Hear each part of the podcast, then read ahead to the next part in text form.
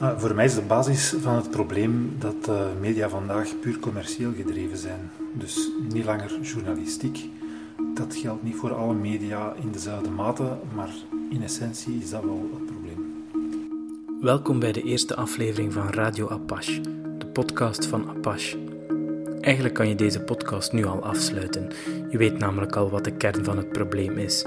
Apache-journalist en medeoprichter Tom Cochet vatte het zo net al even samen.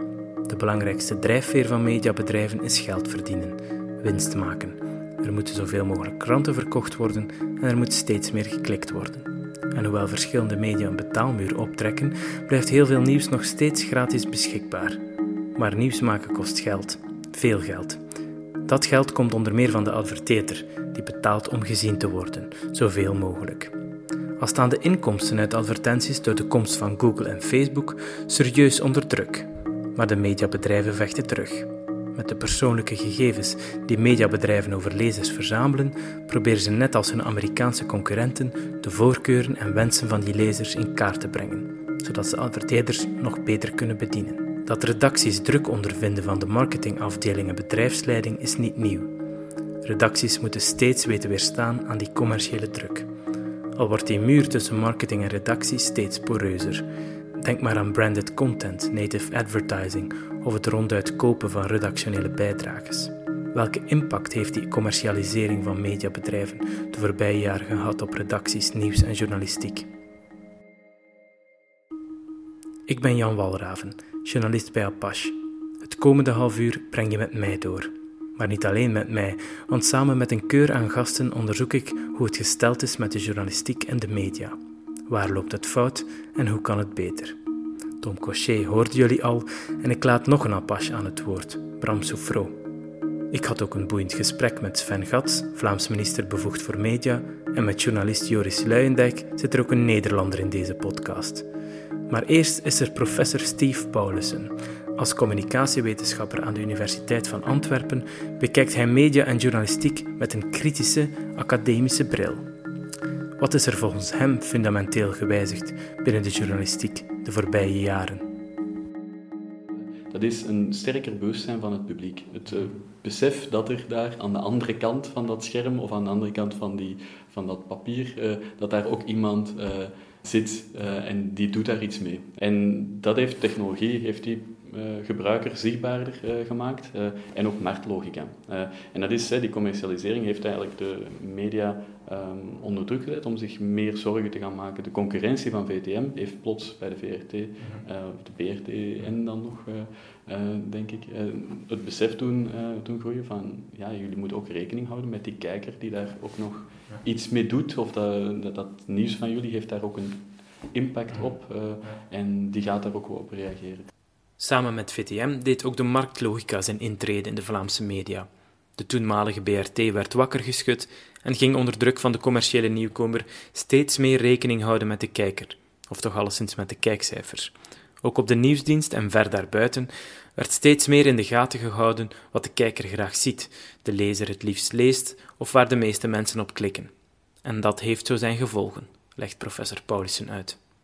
Wat je daar ziet, uh, is volgens mij echt een, trend van dat men uh, gaat echt geloven dat hetgene wat veel aangeklikt wordt ook relevant is en ook nieuwswaardig is. Ja. terwijl dat sommige verivers heel veel kliks genereren, maar daardoor nog niet belangrijk of nieuwswaardig ja. De definitie van nieuws verandert daardoor. Ja, je ziet hè, dat vroeger een veel striktere definitie was van wat echt nieuws was. Hè. En dan werd er soms nog, hè, er werd dan ook fediver genoemd, werd er dan nog aan toegevoegd. Uh, vandaag is het een veel bredere visie, een veel bredere definitie van nieuws die gehanteerd wordt. En waar je nu ook ziet dat bijvoorbeeld als het maar gedeeld kan worden of als het beeldjes heeft, dan heeft het meer kans dat het ook naar buiten gebracht. Als het ook gaat over bepaalde, bepaald nieuws dat vroeger niet gebracht werd vanuit een soort paternalistische visie van het is niet uh, belangrijk. Uh, als je ziet dat het voor veel mensen wel relevant of belangrijk is, uh, dan kan dat misschien wel voor een deel gemotiveerd worden. of het nieuws toegankelijker maken, zodat een breder publiek het ook kan begrijpen en er iets mee, mee kan doen. Ik denk dat dat positieve ontwikkelingen zijn. Wat is kunst? vroeg Stijn Meuris zich ooit af. Maar wat is nieuws? Staan veel kliks gelijk aan relevantie? Volgens professor Paulussen is aandacht hebben voor wat het publiek wil niet per se negatief. Nieuws dat vroeger niet gebracht werd, omdat een journalist of hoofdredacteur het niet de moeite waard vond, zal nu misschien wel aan bod komen, omdat het mogelijk veel gelezen zal worden. Dat is op zich geen slechte zaak, maar volgens Tom Cochet is de slinger ondertussen te veel naar de kant van de kliks doorgeslagen. Wat ik zelf het belangrijkste vind, is dat eh, de definitie van nieuws de voorbije jaren sterk veranderd is. En dat komt ook door die hypercommerciële reflex. Nieuws is vandaag niet langer meer wat dat eh, maatschappelijk relevant is, of, of datgene wat mensen zouden moeten weten. Daar is begrijpelijk ook een soort afkeer tegenover, hè, want uh, je moet toch niet zo de man met vingertje zijn die dat zegt wat dat je moet weten, waar dat het hier allemaal over gaat. Ik snap die afkeer voor een stuk, maar het alternatief vandaag is dat nieuws geworden is wat dat mensen willen lezen. Wat dat verkoopbaar is. En dat is een gevaarlijke evolutie, want het gevolg daarvan is dat er best wel veel rommel uh, tot nieuws wordt vergeven. Hypercommerciële media, die vooral denken in termen van wat verkoopbaar is, zorgen dus voor heel veel rommel. Voor Tom en een hoop andere journalisten, waaronder Bram Soufro en George Timmerman, was het ergens in 2009, zo'n tien jaar geleden dus, de reden om te starten met een eigen medium, dat het anders zou doen. De werktitel, ondertussen omgedoopt tot Apache. Maar hoe anders moest Apache worden? Welke journalistiek moest het nieuwe medium bedrijven? Tom legt het uit. Um, ik denk dat iedereen onbewust wel een gelijklopend idee had van wat dat journalistiek zou moeten zijn.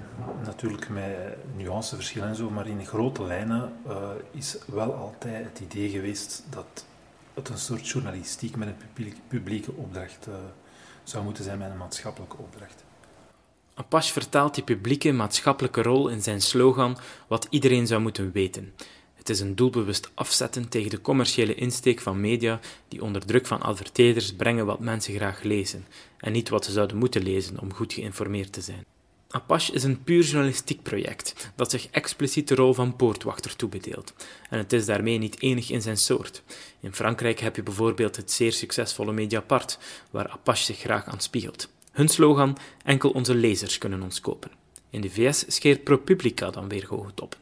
En in Nederland heb je Follow the Money, waar Apache mee samenwerkt, en ook de correspondent, die recent nog de oversteek naar de VS maakte. De oprichters van de correspondent noemen steeds journalist en antropoloog Joris Luijendijk als een grote inspiratiebron. Ik sprak hem vorige zomer tijdens een hobbelige autorit van het Zwin naar Antwerpen.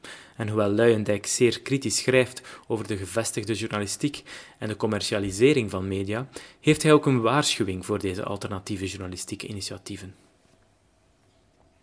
Als er één ding de afgelopen vijf jaar is duidelijk geworden, is dat al die journalistiek die zichzelf ziet als een voorhoede, gewoon helemaal de connectie kwijt is met hele grote delen van het electoraat. Uh, en dus, dus wat heel iemand van de New York Times heel goed zei, die zei het probleem was niet zozeer dat we niet over Trump-voters schreven, maar we schreven nooit voor ze. Ja. Uh, en, uh, en dus ik denk dat zeker zou, zou je echt veel scherper op de bestaande machtsstructuren, met name nu er zoveel macht wordt overgegeven naar technocratische instituties en instanties. Maar ehm, het uitleggen van hoe de wereld in elkaar zit, dat, dat, daar ligt veel meer mijn uh, dingen. Ik denk dat een hoop mensen er gewoon geen zak meer van snappen. En dank, ik wil gewoon een sterke man met een snor.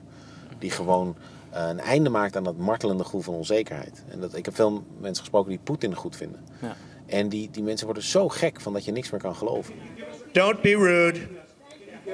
Don't be rude. No, I'm not going to give you a question. I'm not going to give you a question. You are fake news. Hoewel ze brengen wat mensen willen zien of lezen, zijn media volgens Luijendijk de voeling kwijt met een groot deel van het publiek. Het verklaart volgens hem waarom media de verkiezing van Trump niet zagen aankomen en de Brexit niet konden voorspellen. Tegelijk worden ze belaagd, verketterd en weggezet als vooringenomen en links door politici als Trump.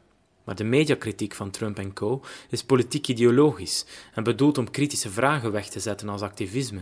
Het is kritiek die voorbijgaat aan de veel fundamentelere commercialisering, het gebrek aan tijd, ruimte en geld voor gedegen onderzoeksjournalistiek. Dat het vertrouwen in media wankelt, is vooral daar een gevolg van, vertelt professor Paulussen de media natuurlijk ook een groot perceptieprobleem hebben. En daar zijn ze wel zelf ook mee voor, verantwoordelijk. dat is eh, als je denkt dat je het allemaal kan doen, dat je naast die onderzoeksjournalistiek ook nog de onnozele uh, clickbait-artikeltjes kunt plaatsen en dat mensen dat onderscheid wel gaan zien, dat is niet zo. en daar is zeker ook de rol van sociale media, het feit dat al die berichtjes door elkaar komen. het nieuws van HLN kan op je feed naast dat van het onderzoeksjournalistieke stuk mm. van, van KNAK en nog een opinie uit, uit de morgen staan. En je begint alles door elkaar te schudden en je maakt daar één amalgaam van. En dat denk ik dat dat een, een probleem kan zijn. Het is ook zo, de meeste mensen um, maken een oordeel over uh, de media uh, op basis van het snelle nieuws dat ze krijgen online. Nu, online, het snelle nieuws, dat is het minst goede nieuws dat er is. Hè. Dat is minst goede journalistiek die er bedreven wordt. Dat is de journalistiek die vaak te snel gebracht wordt, die vaak uh, copy-paste is, uh, die met veel te weinig middelen, waar vaak zelfs geen enkele redactie aan, aan vooraf is gegaan, geen enkele negotiatie, gewoon een, een stagiair of een online redacteur die snel maar iets online heeft, heeft geflanst met de bedoeling om daar gewoon wat kliks op te halen. Dus dat is eigenlijk de, de slechtste journalistiek wordt daar vaak eh, bedreven, maar die heeft wel een heel, grote impact op wat mensen uh, te zien krijgen. Hard politiek nieuws staat broederlijk naast de fratsen van een of andere kandidaat van Temptation Island en berichten over Panama Leaks moeten het zoveelste hilarische kattenfilmpje naast zich dulden, zowel in sociale mediafeeds als op de sites van traditionele kranten. Dit amalgaam maakt duidelijk hoe de definitie van nieuws veranderd is. In een grootschalig onderzoek naar fake news in India stelde de BBC het als volgt. Nu de definitie van nieuws zich uitbreidt en allesomvattend wordt, zien we dat alles wat van enig belang kan zijn voor de burger als nieuws beschouwd wordt. Dit verklaart volgens de BBC voor een stuk waarom fake news voor veel mensen zo moeilijk te onderscheiden is van echt nieuws. Maar waarom maken media er zo'n amalgaam van? Volgens Tom Cochet is er een vrij simpele uitleg voor. Uh, mij geeft het alleszins het idee dat het een korte termijn keuze is, uh, met de bedoeling om snel geld te cashen. Uh, niet dat er nog wordt nagedacht over willen we wel investeren in journalistiek en, en hoe gaan we dat dan precies doen. Met spectaculaire, bizarre en sensationele berichten worden mensen gelokt naar krantensites, waar adverteerders vervolgens hun reclame kunnen tonen. Niet zelden plukken traditionele media virale filmpjes, tweets of andere berichten van Twitter of Facebook in de hoop een graantje van de online populariteit mee te kunnen pikken. Dat geldt voor sensationele filmpjes van een overval, een spectaculair verkeersongeval ergens in Rusland, maar evengoed voor controversiële tweets van een politicus als pakweg Theo Franken. Media pikken in op de op Twitter of Facebook ontstane controverse en zetten er tegelijk een megafoon op. Zo maken ze de politicus die het verst durft te gaan, die vaak de grenzen aftast, als het ware slapend rijk. Bepaalde politici en zogenaamde opiniemakers spelen dat spel gretig mee en steken dat ook niet onder stoelen of banken. Ik laat even een fragment horen uit een interview van Newsmonkey met NVA-voorzitter Bart Wever uit 2016. Het is natuurlijk zo dat wij uh, op sociale media en laten we zeggen moderne communicatietechnieken en de digitale revolutie van meet af aan zeer zwaar hebben ingezet. Dat interesseerde ons. Wij hebben daar de juiste mensen voor aangetrokken, want dat is, uh, iedereen kan op sociale media gaan, maar er iets uithalen, dat is nog iets anders. -huh. um, het effect van, van, van sociale media correct inschatten en wat je ermee kan doen, uh, dat is een wetenschap op zichzelf, maar ik denk dat wij die wel kennen, dat we die beoefenen. Ja, en dat geeft u natuurlijk uh, wel de kracht om de klassieke media te bypassen. Al zeker één partijvoorzitter weet dus dat het samenspel tussen sociale en klassieke media zijn boodschap kan versterken. Maar de Wever is lang niet de enige die het doet. Zijn klassieke media zich dan niet bewust van de rol die ze in dit spel spelen? Collega Tom denkt van wel. Uh, de vraag is of dat eigenlijk wel zo'n slechte zaak is voor de kranten voor hun geloofwaardigheid ongetwijfeld wel, maar eigenlijk scoren ze nu wel drie keer in plaats van één keer. Uh, aan de ene kant zijn er de kliks een uitspraak van Franke. Uh, dan heb je nog eens kliks met de reacties op die uitspraken. En dan is er nog een derde klik, namelijk met de factcheck die dat er op volgt. Dus op die manier uh, dendert het maar verder. Als je journalistiek succes vooral afmeet in kliks, likes en shares, dan doet het er eigenlijk nog weinig toe waar mensen precies op klikken, als ze maar klikken. Gelukkig hebben we ook nog de openbare omroep, al is Apache-oprichter Bram Soufro ook kritisch voor de rol die de VRT speelt. De VRT is intussen een deel geworden van het uh, commerciële landschap en dat zorgt natuurlijk ook voor fricties bij de, bij de andere uitgevers. En je leest dat ook in hun programmatie, ehm, zelfs ook in in hun berichtgeving. Het is eigenlijk fout gelopen toen dat eh, VTM erbij gekomen is en de VRT zo zei van kijk, dat is het voorbeeld, zo moeten we het doen. En sindsdien is er eigenlijk niet veel veranderd meer. Dus. Het is alweer de schuld van VTM, symbool van commercialisering. Maar het is niet enkel kommer en kwel. Met bijvoorbeeld Pano maakt de VRT-nieuwsdienst nog wel vaak het verschil. Denk aan de reportage over fraude met humanitaire visa in Mechelen of de ontmaskering van Schild en Vrienden. Dat er de laatste jaren initiatieven werden opgericht als Apache, Medor in Franstalig België, de correspondent en ga zo maar door, is geen toeval. Zij zien een vacuüm en willen dat gat in de markt vullen. Al schieten ook de gevestigde media stilaan wakker. Naast de spectaculaire, sensationele fait divers is er gelukkig nog veel plaats voor het betere werk. Verschillende redacties zetten zichtbaar in op onderzoeksjournalistiek. En de Tijd bijvoorbeeld werken met internationale media samen rond Panama, Paradise en andere leaks. Maar ook in kwaliteitskranten als de Standaard wordt vaak diepgravend onderzoek verricht. Heeft het te maken met het weerwerk dat kritische websites zoals Apache en de correspondent blijven bieden tegen de stroom van middelmatige journalistiek, zoals succesauteur Stefan Hertmans het verwoordde in Humo? Houden wij de traditionele media wakker? Wat is de waarde van, bij gebrek aan beter woord, alternatieve media? Joris Luijendijk legt het uit. Nou, ik denk, je moet sowieso altijd een, een eh, divers landschap hebben. Net zoals je eh, eigenlijk een financieel landschap wil met, met banken die heel anders in elkaar zitten, met andere eigendomsstructuren, sommige wel of niet aan de beurs, uh, wel of niet uh, verschillende vormen van toezicht. Omdat dat gewoon leidt tot weerbaarheid. Mhm. En dat is in de journalistiek ook heel belangrijk. En volgens mij in Vlaanderen eens te meer, omdat de morgen toch wel heel erg dun aan het worden is. Dus je, je hebt dan de standaard dagelijks. En nog, gelukkig nog wel hele goede weekbladen. Beter dan in Nederland. Ik vind Humo en, en Knak echt knak in zijn soort is echt topklasse, vind ik. Ehm, maar je, het, je, je, kan er echt nog wel wat meer gebruiken. Ja. En zeker wat natuurlijk gebeurt, het gevaar in een klein land waarbij je een, een, dossier hebt waar één of twee journalisten op zitten, die, die dat helemaal definiëren. Dat is echt gevaarlijk. Dus, dus om dan een aantal mensen te hebben die langs hele andere assen denken, die, die dus niet worden gedwongen uh, om. Uh, bijvoorbeeld als jij een krant volgt, ja, meestal wordt dat verkaveld. En jij volgt de ontwikkelingen op jouw kavel. Mhm. dus, dat, is, dat, is, dus eh, incidenten, schandalen, rapporten uh, en ontwikkelingen. Uh, als je vervolgens dus zo'n nieuwsite als Apache opzet, dan kun je bijvoorbeeld veel meer, niet zozeer rond kavels, maar rond onderwerpen of, of mhm. een vraag gaan beantwoorden.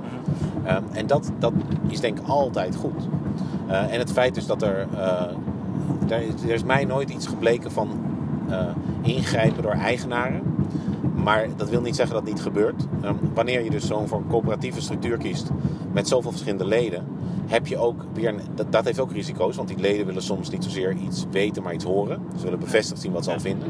Dus het is ook niet zalig makkelijk. Je moet niet iedereen à la, à la Apache of correspondent doen. Uh, maar ik vind het een totale verrijking.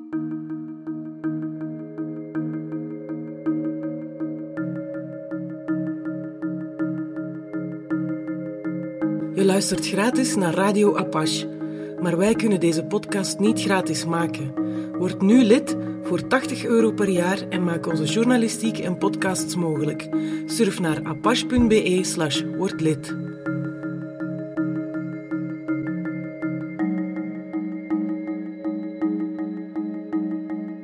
Er zijn dan wel media als Apache maar ook Mo, De Wereldmorgen of Recto Verso, die niet behoren tot een grote mediagroep als de Persgroep of Mediahuis, maar in Vlaanderen blijft hun aandeel klein.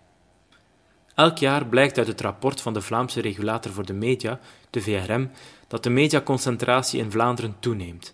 Als we kijken naar klassieke mediaproducten als kranten, magazines, radio en televisie, dan moeten we vaststellen dat in 2018 maar liefst 80 tot 100 procent van de markt in handen is van slechts vijf mediagroepen: VRT, de persgroep Medialaan, Mediahuis, Roularta en SBS Belgium.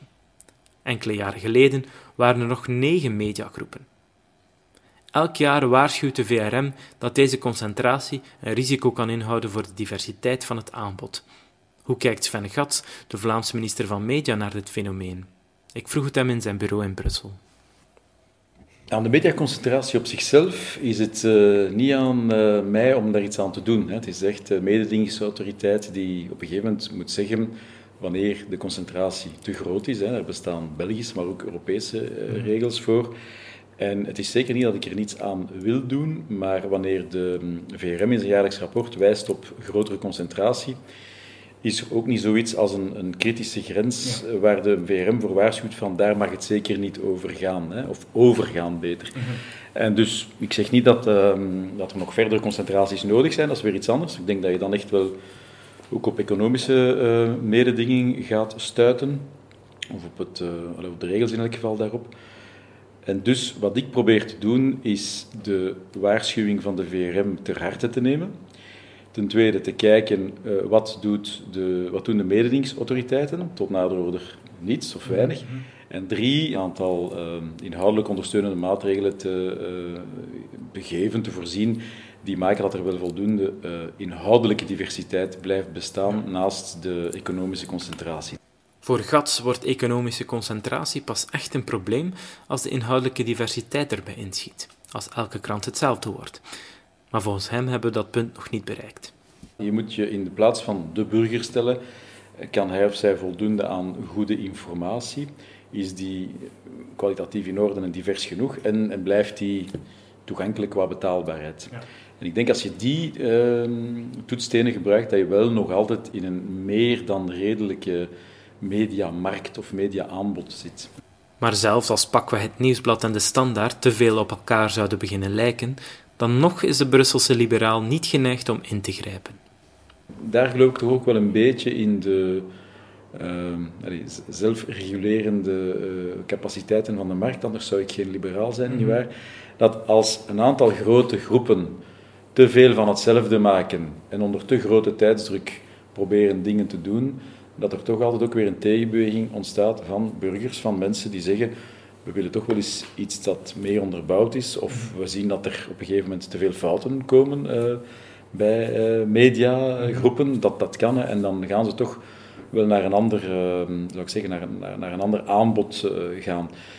ik wil niet zo ehm, stoutmoedig zijn om het met de biermarkt te vergelijken, maar toch, hè, als er te veel witte van Oegaarde is, dan zullen mensen op een gegeven moment toch naar de craft brewer om de hoek kijken enzovoort. Die terughoudendheid om in te grijpen stuit Bram Soufro van Apache tegen de borst.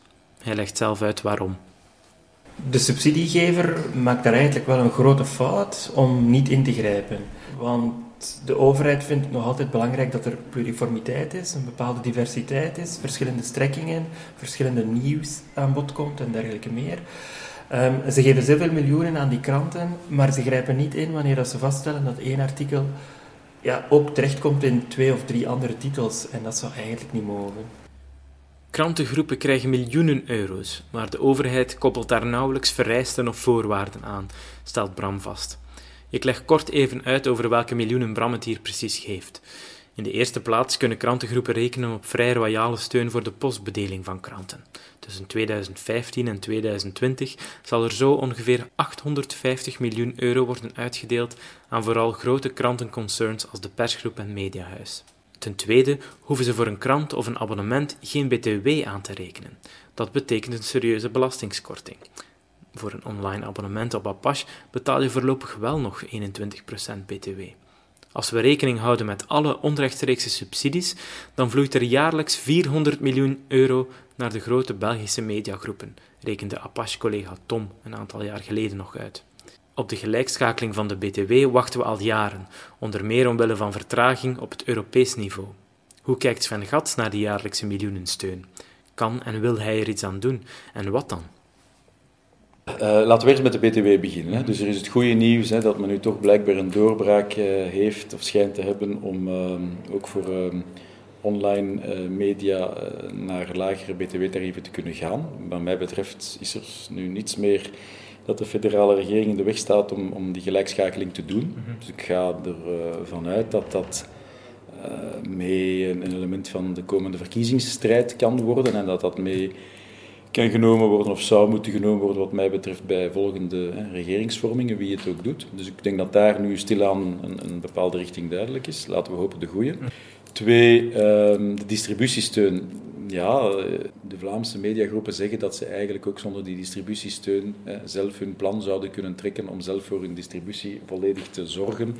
En dat ze dat eigenlijk aan, aan goedkopere tarieven misschien nog zouden kunnen doen dan de subsidie van de post. Goed, ik neem, hen op hun, ik neem hen op hun woord, dus ik neem aan dat ze dat kunnen.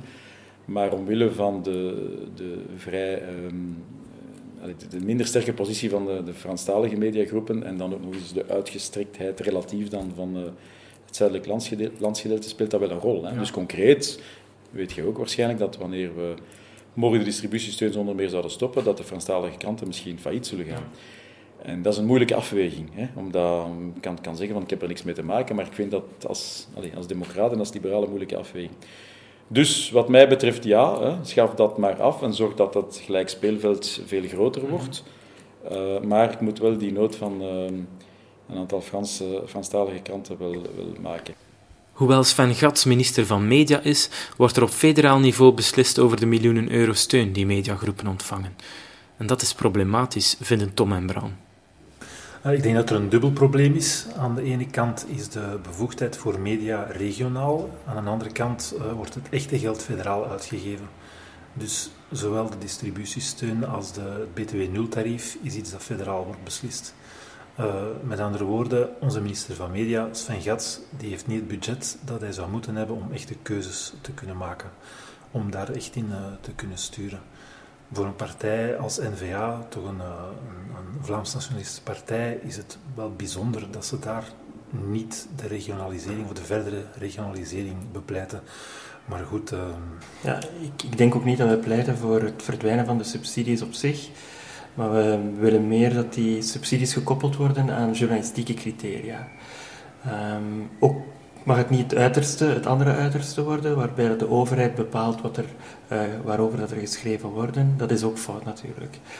dus je moet wel zoeken naar een, een, bepaalde manier van werken. Of de overheid kan natuurlijk ook bepaalde voorwaarden opleggen voor subsidies. Ik denk bijvoorbeeld aan een redactiestatuut, een bepaalde aandacht voor dit of voor dat onderwerp. Je kan daar eigenlijk best wel ver in gaan en er zijn ook al studies over gebeurd. Um, je kan het met andere woorden echt wel op een goede manier, eh, op een goede manier doen, alleen moeten ze dat ook willen. En dat is vandaag deel van het probleem. Uh, de mediabazen zitten nogal kort op schoot bij politici. Dus ja, iedereen ziet goed, uh, het is een perfect evenwicht voor hen. Niet voor de journalistiek, maar wel voor hen. Dus daar gaan, daar gaan moeilijk veranderingen in komen. Het budget dat GATS wel heeft, gebruikt hij om journalistiek te ondersteunen. Om die subsidies te krijgen, moet een journalistiek initiatief wel aan bepaalde voorwaarden voldoen. In september 2018 lanceerde GATS daarom het Vlaams Journalistiek Fonds, een project van de VZ2 Journalismfund.eu in samenwerking met de Vlaamse Vereniging van Journalisten. Het fonds is een antwoord op de te grote versnippering van de steun en moet die steun dus stroomlijnen. Eind 2018 verdeelde het fonds een eerste keer 500.000 euro. Daarvan ging iets meer dan 67.000 euro naar Apache voor een project rond lokale onderzoeksjournalistiek. De minister stelt dan wel het geld beschikbaar, maar hij beslist zelf niet welke projecten dat geld krijgen. Die afstand vindt hij naar eigen zeggen heel belangrijk. Wat, wat ik wil doen, is de, de journalist en de journalistiek zelf sterker maken. Maar niet vanuit een keizer mentaliteit, in de zin dat er toch wel een, een muur zit tussen de, de overheid en de mediaminister enerzijds en de journalisten anderzijds, die, die, die de verdeling van de middelen uh, in, in, zou ik zeggen, in onderling akkoord doen. Ik heb daar enig vertrouwen in, in die, in die aanpak, die techniek, omdat we zien dat die bijvoorbeeld bij het Filmfonds en bij de, het Letterfonds ook wel goede resultaten heeft opgeleid, op, op, tot goede resultaten heeft geleid. Dus hier een soort uh, arm's length, zoals dat heet. Hè. Wij leggen een aantal hoofdprioriteiten, er is een beheersovereenkomst. En die beheersovereenkomst is finaal een buffer om daarna de sector zelf zich wat te laten behelpen. Um, en ja, ik, ik kijk daarvoor zeker ook naar wat men in Nederland doet. Omdat men, men is eigenlijk ook zo begonnen. En men heeft een aantal individuele projecten in het verleden gesteund. Daar waren een paar goede bij, een paar minder goede. En in finaal heeft men gezegd, we gaan alles samenleggen. De inhoudelijke projecten, de, de vorming um, en dergelijke meer. En ik ga er wel vanuit, aangezien er een ja, bepaalde verwevenheid is tussen Vlaamse en Nederlandse mediagroepen, dat we misschien ook daar een grotere verwevenheid van die twee fondsen kunnen hebben. Maar stap per stap. Ik heb daar overal contact gehad met mijn Nederlandse collega voor uh, mediabeleid en, en, hij had daar wel oren naar, zonder nu meteen naar een fusie te gaan. Dus... Nederland als gidsland, het kan dus nog. Afwachten wat die eventuele samenwerking brengt. Maar hoe kijkt onze Nederlandse collega Joris Luijendijk eigenlijk naar subsidies? Nou, ik, ik vind uh, het moet echt de allerlaatste optie zijn hoor. Subsidiëring vanuit de staat. Mhm. Want de, dat zie je ook aan de publieke omroep. Weet je, dat betekent toch dat je, als je, je, je, je, je bijt niet de hand in je voet. Mhm.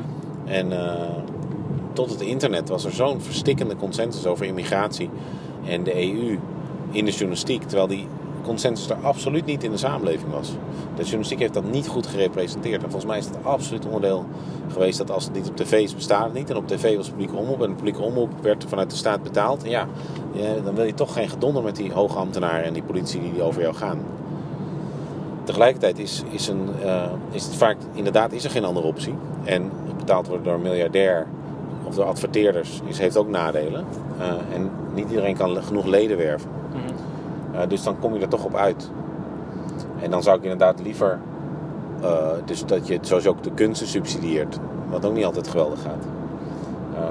Dus dat je, dat je redelijk, zoveel mogelijk afstand creëert tussen de staat en de toekenning van de subsidies. Een noodzakelijk kwaad dus, subsidies. De manier waarop Gats het aanpakt met het Vlaams Journalistiek Fonds lijkt alleszins de goede. Dat denkt ook professor Paulussen denk, ik denk daar eigenlijk dat gewoon voor een deel ook subsidiëring van, van de mm. journalistiek, dat, dat we daar wel naartoe gaan. Uh, dat we daar moeten van, van beseffen dat de journalistiek uh, via kanalen zoals een Fonds Pascal de Kroos, dus onafhankelijke kanalen die dan kunnen beslissen over de verdeling van, uh, van die budgetten, of via een publieke omroep die ook een heel duidelijke neutrale taak en taak heeft van, van onafhankelijkheid enzovoort, zodat zij dat kunnen investeren in uh, goede onderzoeksjournalistiek. Ik denk dat dat al zeker een belangrijke, belangrijke weg is die moet opgegaan worden. En voor de rest een bewustwording bij, ehm, bij het publiek uh, dat waardevolle journalistiek eigenlijk ook uh, waardering verdient en dat die waardering ook mag uitgedrukt worden in een abonnement. Ja, dus ook jij, beste luisteraar, zal op een bepaald moment je portemonnee moeten opentrekken. Want zo weten we allemaal, voor niks komt de zon op. Dit was het voor de eerste aflevering van Radio Apache. Bedankt voor het luisteren en tot binnenkort. Wil je Apache steunen en nog meer podcasts kunnen beluisteren? Surf naar apache.be slash wordlid.